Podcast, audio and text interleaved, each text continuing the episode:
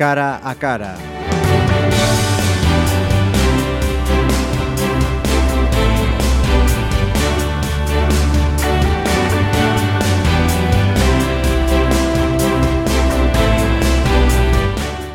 Saludos, vamos a entrar hoy en un cara a cara que inicialmente estaba concebido como unas conversas en la ferrería, pero resulta que en este día en que nos hemos puesto a, grabar, en que habíamos quedado para, hacer este programa, nos llama uno de los invitados, Pablo Piñeiro, y me dice, mira, mmm, si, si, es posible, mmm, por favor, podemos seguir adelante con, con esa entrevista, pero con, con, Hugo San Martín, bienvenido, por cierto. Gracias. Y es que Pablo Piñeiro se nos ha tenido que marchar a toda leche a Santiago porque lo habían llamado para formar parte de la serie Pazo de Familia.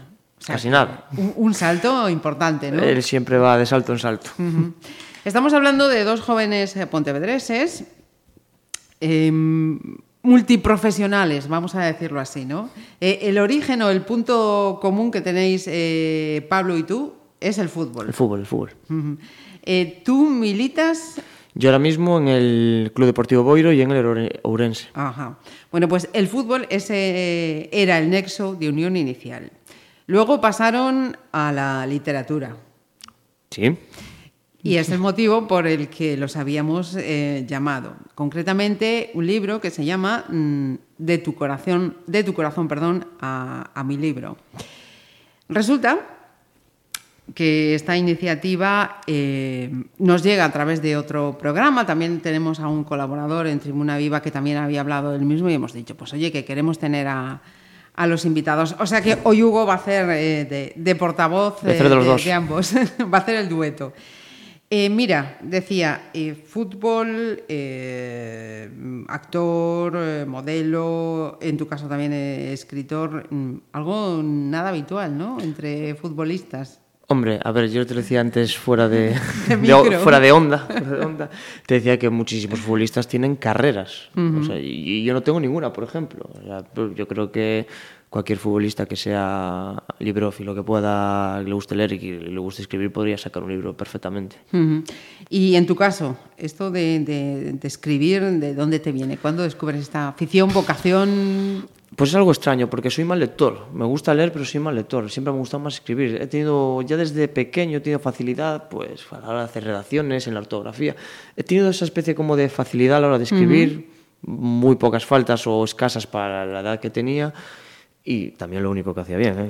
Decir, ¿eh? eso, el recreo y el gimnasio, poco más. Y me ponía una redacción sobre un bolígrafo y era capaz de escribir ese bolígrafo una redacción pues, de páginas y páginas y páginas y páginas y no tenía ningún tipo de problema en hacerlo. Uh -huh. Entonces me vino un poco por ahí. Y luego que la vida te lleva pues, sentimentalmente a situaciones que te hace sacar de dentro más... Chicha. Todo, sí, todo uh -huh. más chicha. Y empecé por ahí. Y realmente yo creo que con el año he evolucionado a, a ese nivel de, de, escritura porque antes era bastante empalagoso. pues, críticas, cuando él mismo se hace la autocrítica. Empalagos. Yo, Pero yo sí, siempre he tenido esa facilidad de escribir, que es lo que yo creo que me ha llevado a tener esta, esta afición. Uh -huh. Vamos a hablar de Tu corazón a mi libro. Esto, eh, aquellos que le sigáis en, Facebook, porque tienen eh, más de 4.000 seguidores ya en, su perfil de Facebook, ya conocen la historia. Pero queremos que todavía se, se difunda aún más. Hugo, eso, ¿cómo comienza este, este proyecto? Pues Pablo y yo jugamos en el Choco, Club Deportivo Choco, un club de Redondela, la primera temporada, que es donde nos conocimos.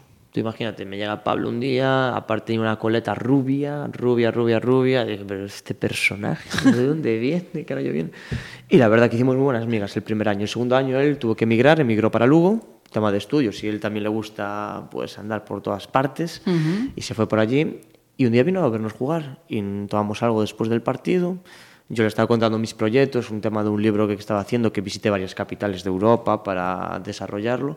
Y él me dijo, mira Hugo, tengo una idea vi en un meme de Facebook, vi a un señor mayor, una silla de playa, un cartón que ponía escucho historias de amor gratis. Y me gustaría hacer algo con esto. No sé si escribir algo, si hacer un proyecto social, a ver si la gente responde o no responde. ¿Qué te parece? Pues a mí me parece maravilloso. Yo creo que si juntas una historia se puede hacer un libro. Y dice, sí, yo también estaba pensando en hacer un libro, si juntamos muchas historias, tal. dije, mira, si me dejas participar, yo te ayudo. Ensayo que te gustaría participar, porque Pablo es esta persona que tiene 300.000 ideas, pero no tiene ese tiempo para desarrollarlas todas, porque no le da el tiempo material, necesita cuatro días que fuera un día solo, entonces no le da el tiempo. Y me dijo, si me ayudas, perfecto. Y así empezó, a los dos días hicimos una página de Facebook y ahí iniciamos. Estamos hablando del año 2016, Espera que me 15... pierdo. 2016 creo que es. No, perdón. Hablamos del proyecto quizá... Sí, yo creo que fue 2016. o sea, como- sí, 2016, a principios de año 2016. Ujú. Os ponéis en marcha y empezáis a recorrer Galicia Entera. de norte a sur, de este a oeste. Entera. La idea primero era que no teníamos nada, euros cero prácticamente, los justos y necesarios para pues, ir a visitar alguna ciudad, pero decidimos invertir en lo que hoy ha sido nuestro, yo creo, nuestro emblema en la calle, que es un roll-up gigante que lo extiendes y pones cucho historias de amor gratis, con una letra muy chula, llamativa y, y unas camisetas. Y empezamos en Lugo, y ahí empezamos. Y habéis recopilado cientos de historias Cientos, de cientos. niños, de adolescentes, de jóvenes, de adultos, de mayores. de toda clase. Gente de fuera, de otros países, hicimos Skype, visitamos casas particulares que nos abrieron las puertas y se lo agradecemos muchísimo. Centro de mayores, que para mí fue, y yo creo Pablo también, las experiencias más espectaculares que se pueden, se pueden escuchar están ahí. Y pues que no creo que nos dej- dejáramos nada por recorrer playas, bares, locales, centros comerciales, es que recorrimos todo. ¿Durante cuánto tiempo estuvisteis en ese Pues recorrido? fácilmente, a lo mejor cinco meses. Cinco meses. Sí, por ahí. Medio año escuchando historias de amor y de desamor. Y de desamor, sobre todo desamor. Sobre todo. Sobre todo, una gran porcentaje eran historias de desamor. Un grandísimo porcentaje. Muy O alto. sea, os habéis convertido en una especie de, de doctores amor, ¿no? Ese barómetro nos, para... pus- nos pusieron esa tilde de doctor amor. ¿Sí? y haz- sí, sí, muchísimas veces, porque Poco original soy Dios. Sí, pero nos lo pusieron, pero no, no que nos lo, dijera, nos lo dijeras tú, sino que la gente cuando nos contaba las historias, al acabar de contárnosla, parábamos de grabar el audio, porque nosotros las historias las grabamos en audio al principio, en formato vídeo y en formato escrito. O sea, nosotros en, el- en la página de Facebook queríamos que la misma historia se reprodujera en el Facebook de tres maneras diferentes. Audio, vídeo Y escrito- texto. y escrito. Para que la gente la viviera de una manera diferente. El audio nos dio realmente mucho, mucho bombo, pero sí que es verdad que cuando acababan las historias parábamos todo y es cuando siempre nos llega la pregunta, ¿qué haríais en mi lugar? ¿Vosotros qué opináis? Claro, nosotros no tenemos... Se abre el Claro no, somos ni, consultorio. claro, no somos ni psicólogos, ni doctores amor, ni nada por el estilo, pero bueno, dábamos nuestra humilde opinión dentro de lo que, lo que nos permitía. ¿no? En, de ese tiempo, si te pregunto, em, ¿cuesta mucho que la gente hable de, de sus sentimientos? Es un sí o un no. Sí cuesta porque realmente lo estás haciendo hacia un desconocido, pero también te puedo decir que no cuesta porque los desconocidos se nos abrían a nosotros. Es más, una situación curiosa que nos pasó muchas veces, que venían personas con amigos, nos contaban la historia que esos amigos habían escuchado de ella 400 veces y a nosotros nos contaban partes de esa historia que ellos no habían escuchado, no le habían prestado atención o no se la habían contado. Toma. Entonces, claro, ahí nos dimos cuenta que la gente tiene en la sociedad una gran necesidad de ser escuchada. Muy grande. Los amigos, incluso amigas, se sorprendían diciendo, pero ¿qué, pero ¿qué estás diciendo si yo te veo todos los días y no sabía esto? Y ahí sí que empezamos a ver cosas que "Uf, cuidado que estamos tocando puntos muy fuertes. Hombre, eh, lo que estás diciendo me parece bastante importante en una sociedad en la que hay tanta facilidad, ¿no? Para hablar, para comunicarnos, para... Tenemos los medios, pero quizá no tengamos eh, la valentía. Ujú. porque es muy fácil esconderse o hablar tras una red social. Pero a la hora de la verdad, el, el escuchar es lo que realmente te va a dar. Y a nosotros nos daba, pues no solo escuchar, sino los- el vocabulario que hacía sin hablar, el gestual. Todo eso nos da mucha información y realmente muchas personas, pf, no te puedo decir un porcentaje, pero el 50% lloraron a contarnos sus historias. ¿Y el amor, el desamor eh, es cosa de edad o de No. todas las historias habéis visto que toca la fibra? Una de las primeras de- historias que, que nos contaron en Lugo era de una mm, señora que le tenemos mucho aprecio, eh, que era un desamor que llevaba 40 años con él y aún seguía dándole vueltas. Caramba. Y es una de las primeras historias que tenemos en el Facebook, a 40 años a vueltas, creo que es, o algo así, creo que dice, no me acuerdo muy bien, o Desamor a los 40, creo que era el título. Y eh, no hay edad, no hay edad. Está claro que después de un amor hay un desamor. Si solo hay un amor, quizá no hay un desamor, pero... Los más afortunados quizá no lleguen a esa segunda parte, ¿no? Pero, pero parece ser que el porcentaje es, Siempre. Er, amor... A ver, Claro, amor hay muchos. Sí, sin Pero si hay muchos, hay muchos desamores, evidentemente. Y el amor a lo mejor solo hay uno porque es el que te dura para el resto de tu vida. Entonces, desamores que sí, yo me he enamorado tres veces, pero te has desenamorado o has tenido ese desamor esas tres veces. Entonces, desamores hay muchos. Estamos hablando de, amores relacionados con, con, el enamoramiento de pareja, ¿no? No sé si os ha tocado, pues eso, contar historias de amor, de, o eso los dejáis aparte, pues de, un hijo a un padre, un padre a un hijo. Sí, sí, sí. Es más, tenemos una historia de, en el libro, que es el amor de una madre hacia una hija. Pero sí, hemos escuchado historias de pues direccionales de chico a chica, historias del mismo sexo, chico-chico, chica-chica, eh, amor hacia un hijo.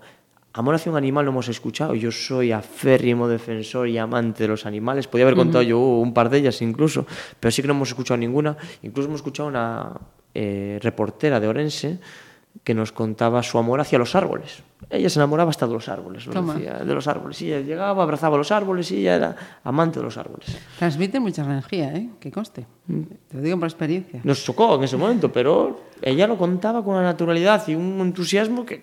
Perfecto. Prueba un día abrazarte así a un árbol. Ella se abrazaba fuerte, además. Sí, sí, sí. Mira, eh, te diciendo otra tarada que acabo de encontrar. Eh, y de esas historias, eh, ¿el amor evoluciona, cambia o, al final esas cosas que pasaban hace 40, 50 años son las mismas que el pasan núcleo, ahora El núcleo quizás sea el mismo, las, las secuencias totalmente diferentes. Nosotros fuimos a un centro de mayores, nos contaban la historia, lo conocí en el baile, me acompaña a casa, no me agarró la mano, ni me tocó, ni nada, claro, evidentemente. Y eso a partir del mes, dos meses. Y el beso, nada, el beso hasta que nos comprometíamos, no, no había un beso. Ahora, con las redes sociales se ha acelerado todo. Chico, conoce chica en este caso, porque es el amor más mm, generalizado, generalizado, que hay. Chico conoce chica, en las redes sociales, a la mañana, quedan a la tarde, pasa lo que pasa a la noche. Va todo demasiado rápido para mi gusto. Quedas con una persona, una cita, te vas de esa cita, a los dos minutos ya le estás hablando porque hay los medios para poder hablar. No hay ese momento de reflexión o de oxígeno que tú puedas pararte a pensar. Lo que no hay, no hay, va todo demasiado, para mi gusto, demasiado deprisa. Quizá por eso esa necesidad de ser escuchado, ¿no? pues puede ser, puede ser. A veces va tanto tan rápido que tienes que te agarras a la ola o te frenas. Mira, y, y para vosotros, para todas estas personas, pues ha sido, supongo que ese momento de desahogo, de compartir pero para Pablo y para ti, ¿qué, qué ha supuesto escuchar todas estas historias? Una clase maestro, una masterclass de, de la vida. Porque no solo hemos escuchado historias de amor, hemos escuchado historias súper duras. Maltratos, eh, que te puedo decir aquí muchísimas cosas, pero no quiero ir al, a, mm. ese, a, ese, terreno, pero hemos escuchado Sí, pero claro, es importante. También la gente habla de abusos, de, de malos tratos. Hemos escuchado abusos de un padre hacia una hija, hemos escuchado maltratos, hemos escuchado infidelidades de una manera brutal, eh, embarazos que no encuentran padre o que padres... Hemos escuchado barbaridad de, de, cosas y realmente nos llevamos una masterclass de vida porque el escuchar a la gente y que luego la gente te pregunte qué es lo que opinas y que ellos te escuchen a ti, que nos hemos llevado una, lo dice Pablo siempre, una, una bofetada de realidad. Que de qué me quejo yo, que si le habla no sé quién, no sé cuánto, tal, y al final esta chica o este chico está pasando por unas cosas realmente terribles. Estamos eh, hablando con, con Hugo, que tanto como Pablo sois dos chavales jovencísimos. Sí, yo más que él. a estas alturas no hay ningún problema decir cuántos años tenéis. No, Pablo tiene 30, si no me equivoco, no me quiero equivocar, 30 con máximo 31 y yo tengo 28. Pues eh, fijaros, dos chavales veinteañeros eh, que se deciden un día a través de, un meme, pues abrirse y que la gente se, se, abra, se abra con ellos. Más de 300 historias creo que habéis recogido y al final en el libro deben ser unas, no llegan a 20, ¿no? 18. 18 historias. Eh, nos, vimos un problema, el tema de lo que necesita todo el mundo, dinero. Entonces, claro, nosotros podríamos haber hecho un libro de 500 páginas y 100 historias. Y sería un librazo, seguro. Pero también tuvimos que ser más prácticos a la de económicamente también hablando y quisimos ser más selectivos. Entonces él, eligió nueve, yo elegí otras nueve y no cogimos las nueve más románticas, las nueve más espectaculares, cogimos un poco de varios palos, porque realmente el amor, desamor o lo que hablamos del libro está en varias, en varias fuentes, no está en una sola. Entonces es lo que intentamos plasmar en el libro y yo creo que lo hicimos bien. Historias cortas, que a veces las personas leen el libro en dos horas. Sí, sí, es rapidísimo de leer. Y dicen, necesito más, necesito más, pero no hay más. Lo siento, pero no hay más. y, y pudimos haber expandir alguna historia más. La historia que más expandió, que fue de las últimas que pusimos, fue Tailandia, que tiene cuatro capítulos y realmente pues tiene bastante buena aceptación. Entonces nosotros, bueno, pues vamos viendo cosas, nos quedamos con ese tipo de detalles y a lo mejor, bueno, pues a lo mejor hacemos un libro con solo dos historias o, y, bueno, tenemos ideas. Eh, todo esto que tenemos aquí delante ahora ya lo podemos eh, palpar, eh, fue gracias a, a, lo que se viene llamando micromecenazgo, es decir, particulares que de la gente, fue gracias a la gente. Efectivamente. Fue gracias a la gente. Nosotros eh, nos pusimos en la, en la tesitura de decir, bueno, ¿qué hacemos con el libro? Lo tenemos, lo hemos escrito, ¿qué hacemos? Podíamos editarlo, sabemos que las editoriales se llevan un 90%, 85% del porcentaje de ventas, nos parecía exagerado para algo nuestro, pasa el libro a ser de tres personas, nos, nos, salieron socios que querían ser capitalistas, que ponía, querían poner el dinero y formar parte, pero ya seríamos tres mismamente, uh -huh. y al final decidimos autoeditarlo. Una manera de autoeditarlo necesitábamos dinero. Entonces decidimos hacer la campaña de crowdfunding. En la campaña de crowdfunding tú siempre piensas que tu producto es maravilloso.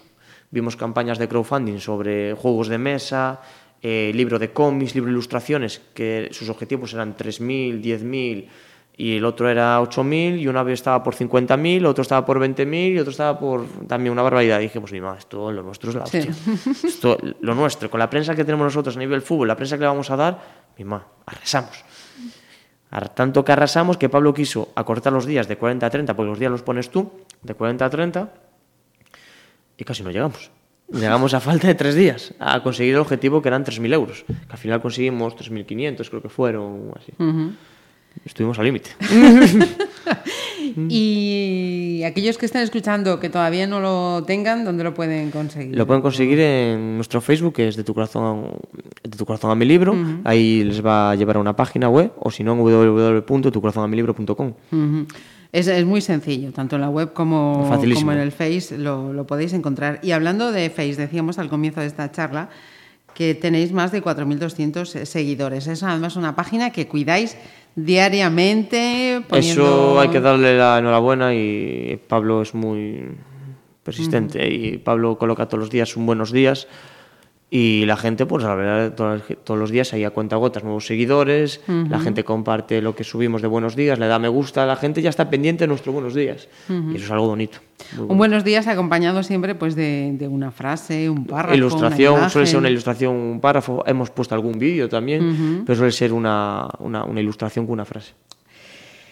Eh, de tu corazón a mi libro. Pero es que además, eh, Hugo, creo que para el otoño mm, vuelves a estar por ahí de presentación, ¿no? Cuéntanos.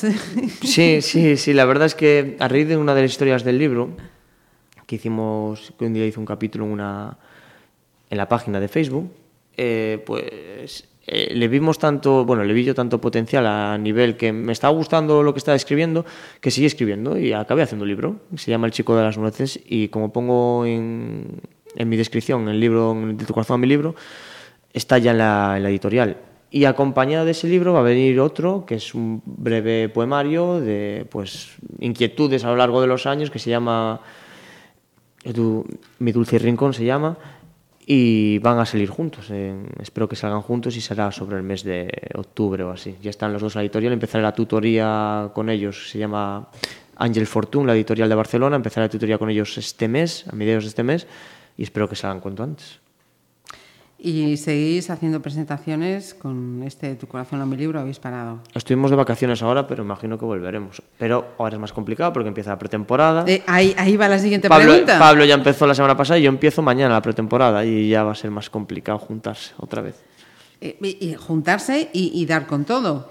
Porque ahora eh, paso de familia en el caso de Pablo, tú con el fútbol, con este libro, con las presentaciones. Y yo y eh, Pablo es un culo inquieto. Pablo está, lo llamas y a lo mejor está en Ponferrada o en Madrid. Y al día siguiente está otra vez en casa o a la noche. Doy fe, para cerrar esta entrevista tuvimos que hacer también su... Es impresionante, lo de Pablo es impresionante. Y en mi caso particular, yo quiero ponerme a escribir realmente el libro que llevo años intentando escribir, pero no me doy puesto. Y tengo todo el material, tengo toda la información, tengo toda la documentación, tengo todo estructurado, pero tengo que ponerme a escribir y no me doy puesto.